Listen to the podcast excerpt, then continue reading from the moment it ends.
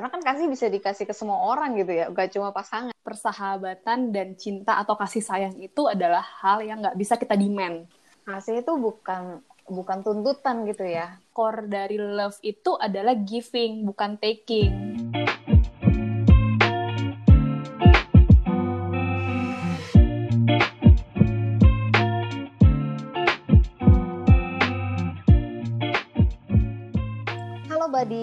lagi di podcast Major to Pause and Ponder.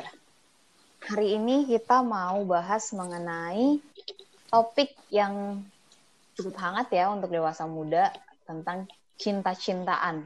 Apalagi kalau bukan love language. Oke. Okay. Sekarang kan banyak orang yang cari tahu eh apa sih bahasa kasih gue gitu ya love language itu bahasa kasih apa sih bahasa kasih gue terus ada juga tes-tes yang membantu ya secara online ya Kes. Betul betul. Untuk orang tahu bahasa kasihnya. Nah kita mau bahas di sini mengenai love language bahasa kasih. Kenapa sih kita bahas di sini? Sebelumnya kita share dulu deh love language lo apa sih Kes?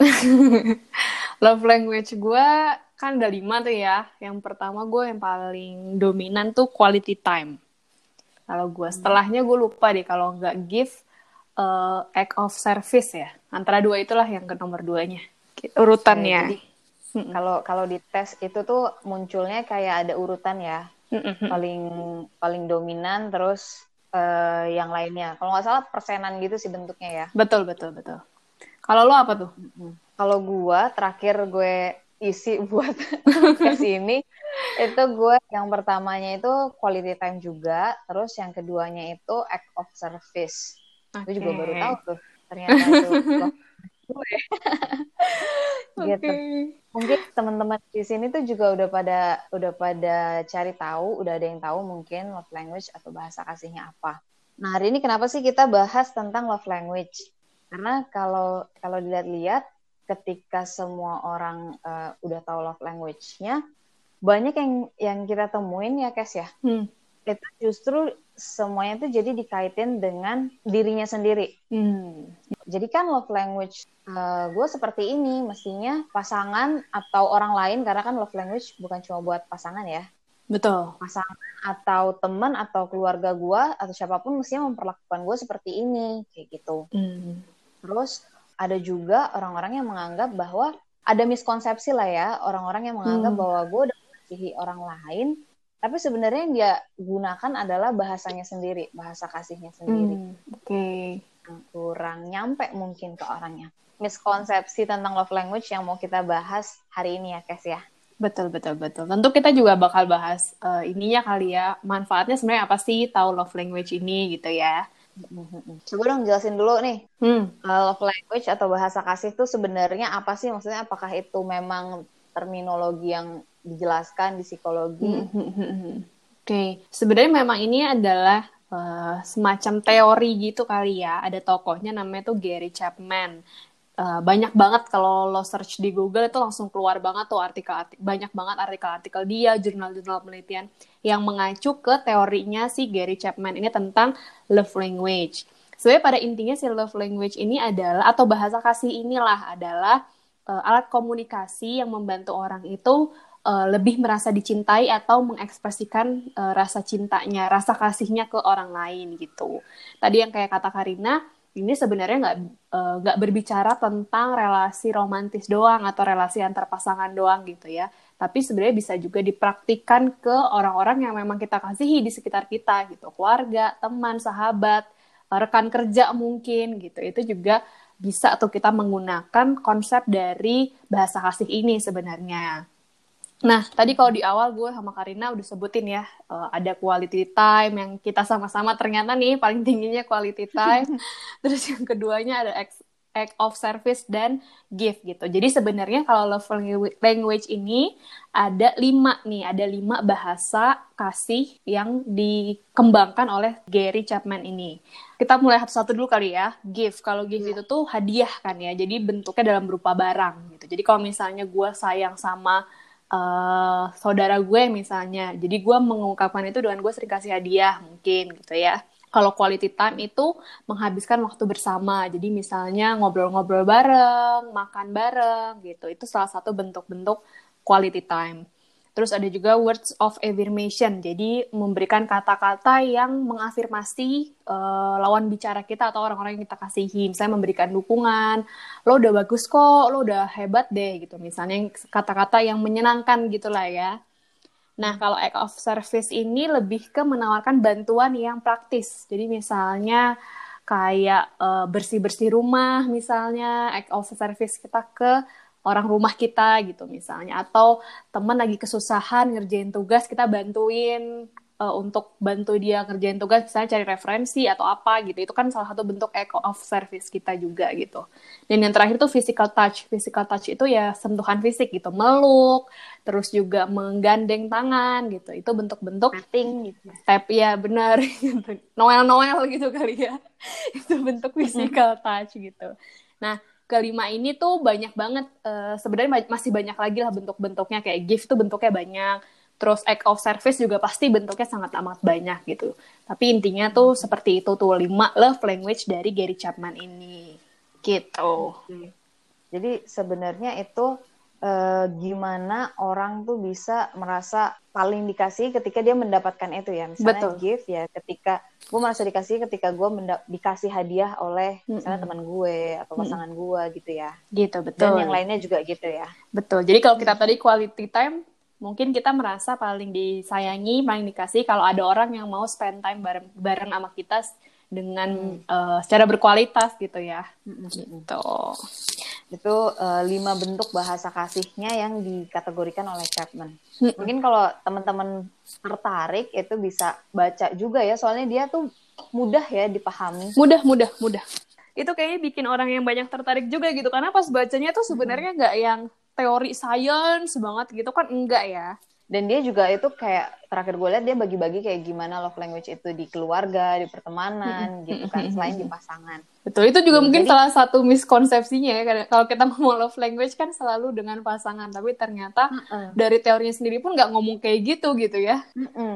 justru karena kan kasih bisa dikasih ke semua orang gitu ya gak cuma pasangan. Betul betul betul.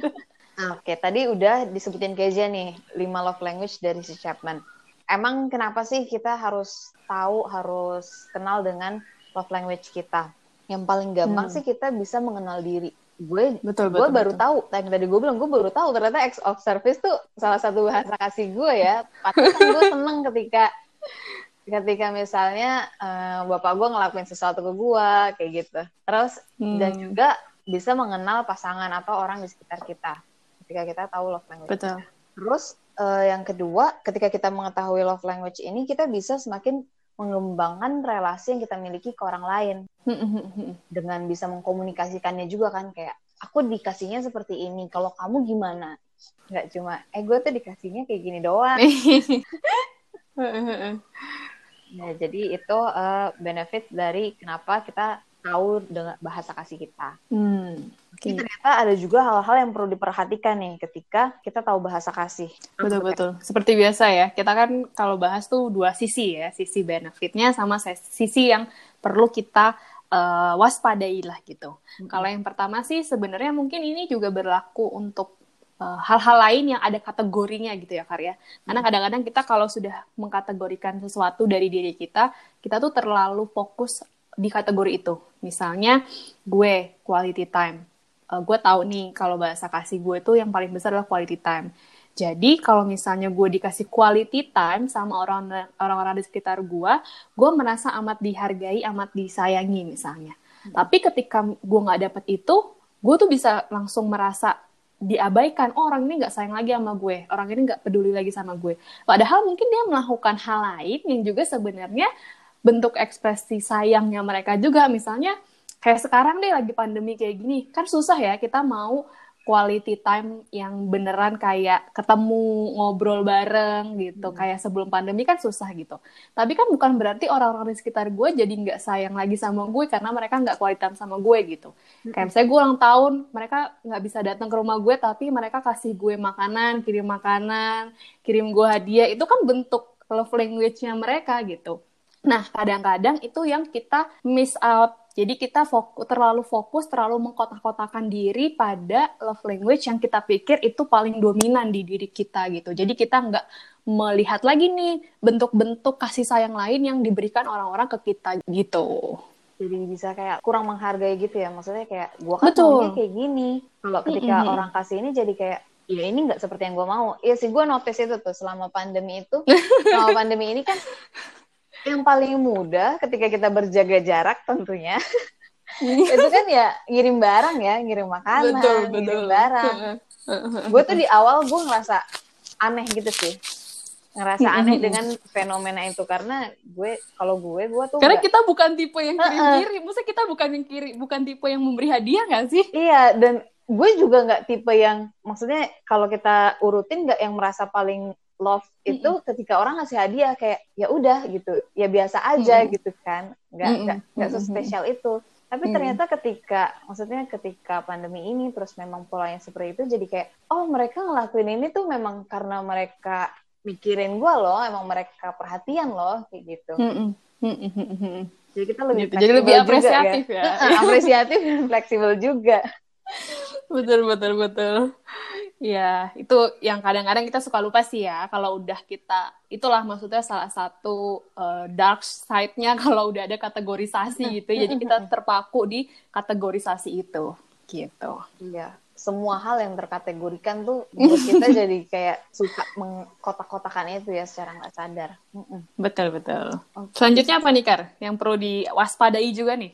selanjutnya yang perlu diwaspadai juga jadi kecenderungan kita untuk menuntut. Menuntut hmm. pasangan menuntut orang yang di sekitar kita kalau saya nih sukanya diginiin. Jadi kamu harus memperlakukannya seperti ini dong. Padahal kan hmm. kan Chapman itu menuliskan si five love languages ini kan dia itu ngomongin gimana lo mengasihi orang lain kan. Gimana lo membuat orang lain merasa dikasihi jadi kayaknya tuh jantung dari bahasa kasih tuh bukan untuk gua maunya ini tapi lo bahasa kasihnya apa? Gua hmm. pengen berusaha untuk itu gitu kan ya. Iya betul betul betul betul.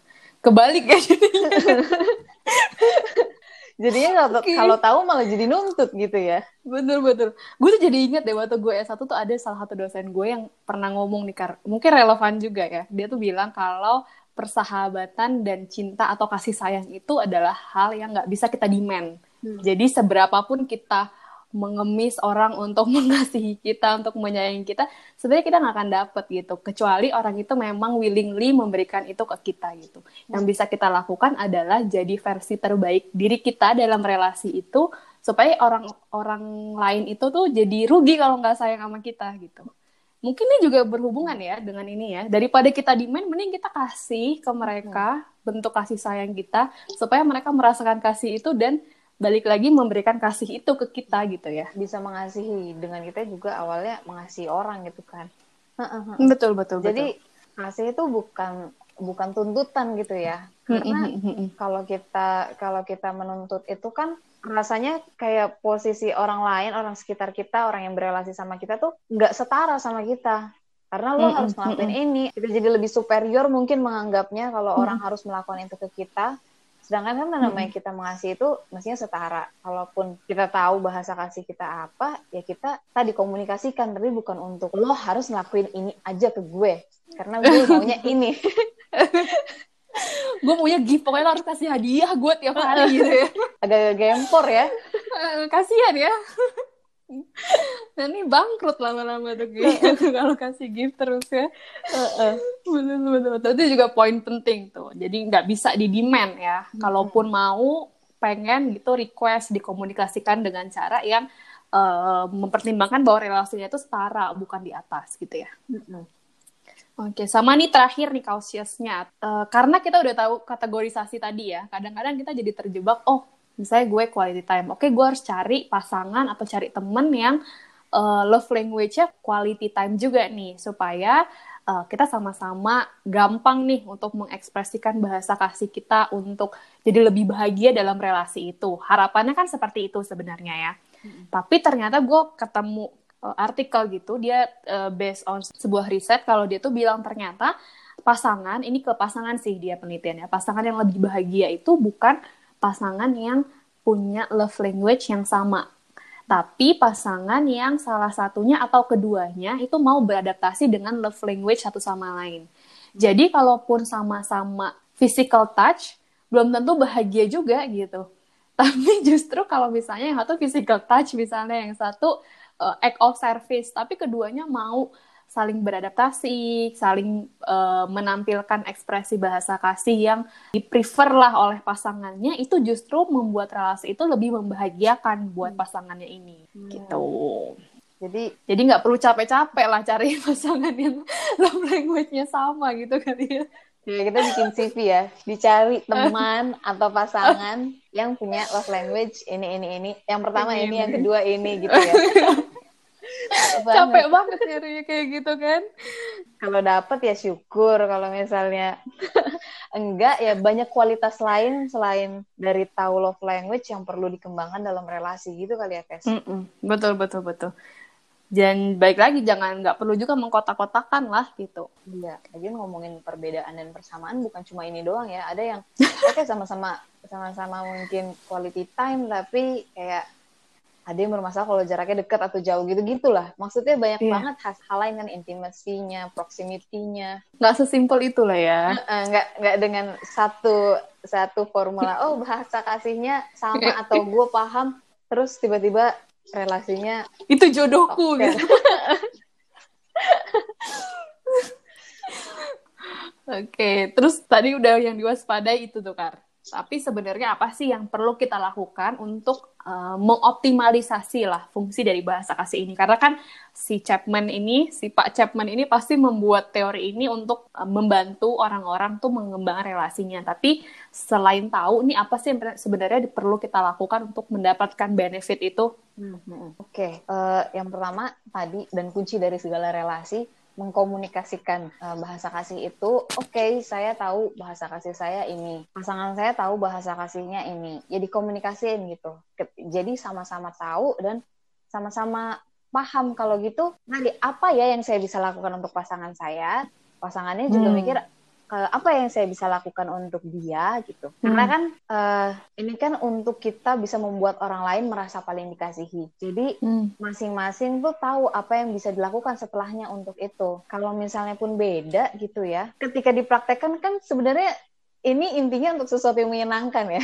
uh, jadi dengan oke okay, misalnya pasangan gue touch terus misalnya kalau gue quality time, toh dengan sama-sama misalnya uh, gandengan atau abis itu kita ngobrol bareng, nggak ada yang nggak ada yang dirugikan juga dari itu kan? Iya benar-benar. Itu juga nyambung sih ke poin kedua yang mau gue sampaikan itu tentang fleksibel ya. Oh iya. Jadi tadi kita nggak boleh atau kita perlu apa ya menghindari diri kita untuk terjebak ke kategorisasi tadi gitu. Karena benar kata lo tadi bahwa kelima hal ini sebenarnya hal-hal yang menyenangkan kok gitu. Nggak ada orang yang nggak suka dikasih hadiah juga sebenarnya yeah. misalnya ya. Physical touch kalau asal nggak ditonjok kayaknya sebenarnya oke-oke aja kan. Misalnya orang seneng kan.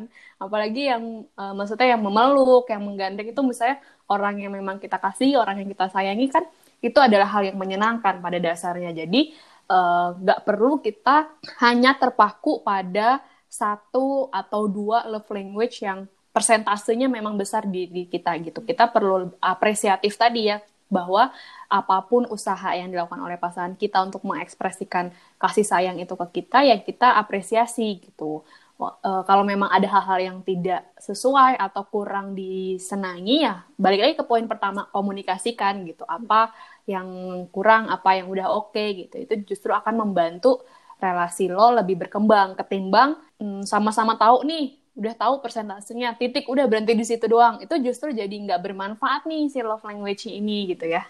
Iya uh, dan fleksibel itu juga mungkin sesuaikan dengan konteks gitu kali ya Kes ya betul betul betul ada mungkin yang ketika oke okay, love language-nya mungkin quality time bareng-bareng. Misalnya yang satu lagi sedih atau lagi butuh semangat lah. Word of affirmation itu jadi juga menyenangkan buat dia kan. Nggak harus dengan Betul. lo sama-sama bareng, tapi maksudnya jadi nggak usah kaku kayak gue harus ngelakuin ini, ini ke dia. Jadi nggak fleksibel untuk cuma bilang semangat ya atau oke okay, nanti kita kita obrolin ini ya lo tenangin diri dulu. Itu kan fleksibel aja digunakan dengan konteksnya juga tentunya ya. Dan ini juga ini sih kar kayak bentuknya tadi kar ya. Mungkin kalau kita quality quality time sebelum pandemi pasti kita mikirnya kayak oke okay, weekend pergi bareng teman hmm. uh, ngobrol-ngobrol di kafe gitu misalnya. Tapi selama pandemi ini kan yang nggak bisa ya maksudnya nggak bisa seleluasa itu. Kalau yang gue lakukan tuh kayak misalnya gue suka ajak teman-teman gue video call sebulan sekali. Itu kan bentuk gue beradaptasi bentuk gue fleksibel. Jadi gue tetap merasa butuh quality time tapi gue nggak memaksakan diri quality time-nya harus seperti apa gitu misalnya. Ya gue fleksibel berusaha untuk fleksibel menyesuaikan dengan situasi menyesuaikan dengan kondisi gitu. Toh hal itu juga sama-sama baik lagi menyenangkan juga gitu. Kalau di resap-resapi eh gue senang juga ya ternyata melakukan iya. ini gitu kan. Betul. Oke terus sama yang terakhir itu juga selain tadi fokus ke love language kita sendiri juga fokus ke love language pasangan atau orang sekitar kita yang kita punya mm dekat itu. Karena kan e, sifatnya itu timbal balik mungkin yang kayak tadi JJ bilang yang namanya kasih itu kan timbal balik ya. Gue tahu kalau gue dikasih itu menyenangkan, jadi gue akan mengasihi orang. Begitu juga orang lain gitu kan. Dan e, jadinya ya yang kita perlu lakukan, eh, maksudnya yang kita bisa lakukan adalah nggak hanya fokus ke kita sendiri, fokus ke orang-orang di sekitar kita itu, pasangan atau siapa pun. Terus gue juga pernah ikut kayak webinar tentang relationship gitu. Pembicara juga, juga ngomong sebenarnya bahwa core dari love itu adalah giving, bukan taking. Jadi ketika kita berbicara tentang kasih, yang pertama kali kita perlu berikan eh, perlu lakukan tuh yang memberi gitu bukan menuntut dulu gitu mm-hmm. jadi itu yang kayaknya kita kadang-kadang miss sampai kita lupa bahwa dalam relasi yang penuh kasih itu uh, core utamanya adalah giving gitu. Kasih itu memberi gitu ya. Oke. Okay. Hmm. Itu cukup singkat sepertinya hari ini. singkat dan menyenangkan ya iya. bahasannya ya. Kita bahasnya aja seneng ya. Apalagi betul, maksudnya betul. apalagi melakukan kasih c so banget. Ya, Narik-nariknya orangnya penuh kasih. Orangnya penuh kasih ya. Nariknya agak maksa lama-lama. Oke. Okay. Jadi apa nih guys yang bisa kita simpulin dari pembahasan kita hari ini? Oke, okay, yang pertama sih uh, kalau dari gue yang pertama adalah love language ini kan tadi teori yang dibuat uh, dari seorang ahli lah ya pastinya untuk membantu orang untuk supaya bisa mengembangkan relasinya dengan lebih baik, bisa bah lebih bahagia dalam relasi itu, bisa bertumbuh dalam relasi itu gitu. Jadi tidak bisa kita berhenti di kognitif sampai tahu doang nih love language gue apa, love language pasangan gue apa, love language temen gue apa. Itu nggak cukup berhenti di situ. Tapi yang lebih penting adalah bagaimana uh, praktiknya. Setelah gue tahu, gue mau ngapain nih gitu. Gue memilih untuk menuntut orang, memenuhi kebutuhan kasih gue, atau gue memilih untuk memberikan kasih gue ke orang lain, menghargai setiap kasih bentuk kasih yang orang lain uh, kasih berikan ke gua atau seperti apa gitu dan yang lebih berperan dalam bagaimana relasi itu berkembang kan pasti perilaku perilaku kita ya hmm. bukan hanya pengetahuan kita tentang love language itu jadi uh, kalau lo udah tahu love language lo itu uh, step yang amat bagus. Tapi itu masih step awal. Lo perlu beberapa step lagi untuk benar-benar memaksimalkan manfaat dari love language itu. Gitu. Oke, okay, kalau dari ya, gue, yang gue uh, notice dan highlight dari riset kita tentang love language ini, love language itu tuh penting untuk diketahui, maksudnya bermanfaat untuk diketahui ya. Tapi itu bukan the whole formula untuk sebuah relasi yang kuat, sebuah relasi yang mungkin dalam, yang intim. Masih banyak hal betul, lain betul, yang betul perlu kita tingkatkan atau kembangkan kualitas-kualitas lain untuk punya relasi yang tadi relasi yang intim itu, relasi yang kuat itu. Misalnya komunikasi, kemampuan berkomunikasi, kemampuan untuk berempati dengan pasangan. Jadi bukan kayak oke okay, uh, eh, pasangan gue sukanya quality time, gue spend time dengan dia, tapi sebenarnya nggak berkualitas juga. Dia nggak bisa memberikan hmm. empati ketika ketika pasangannya sedih, dia nggak bisa berempati atau ketika hmm. ada masalah dua-duanya nggak bisa meresolusi konfliknya atau salah satu nggak mau itu kan banyak gitu kemampuan lain skill hmm. lain yang perlu dikembangkan supaya punya relasi yang tadi yang kaya yang bermakna dan relasi yang intim itu disesuaikan dengan relasinya kebutuhan relasi masing-masing ya gitu. iya kalau memang saat ini lagi penuh konflik mungkin yang perlu dikembangkan resolusi konfliknya gitu ya mm -mm. kan aneh juga ya saya lagi berantem tiba-tiba ada yang meluk gitu tiba-tiba tiba-tiba ngasih hadiah nggak gitu ya. sensitif ya,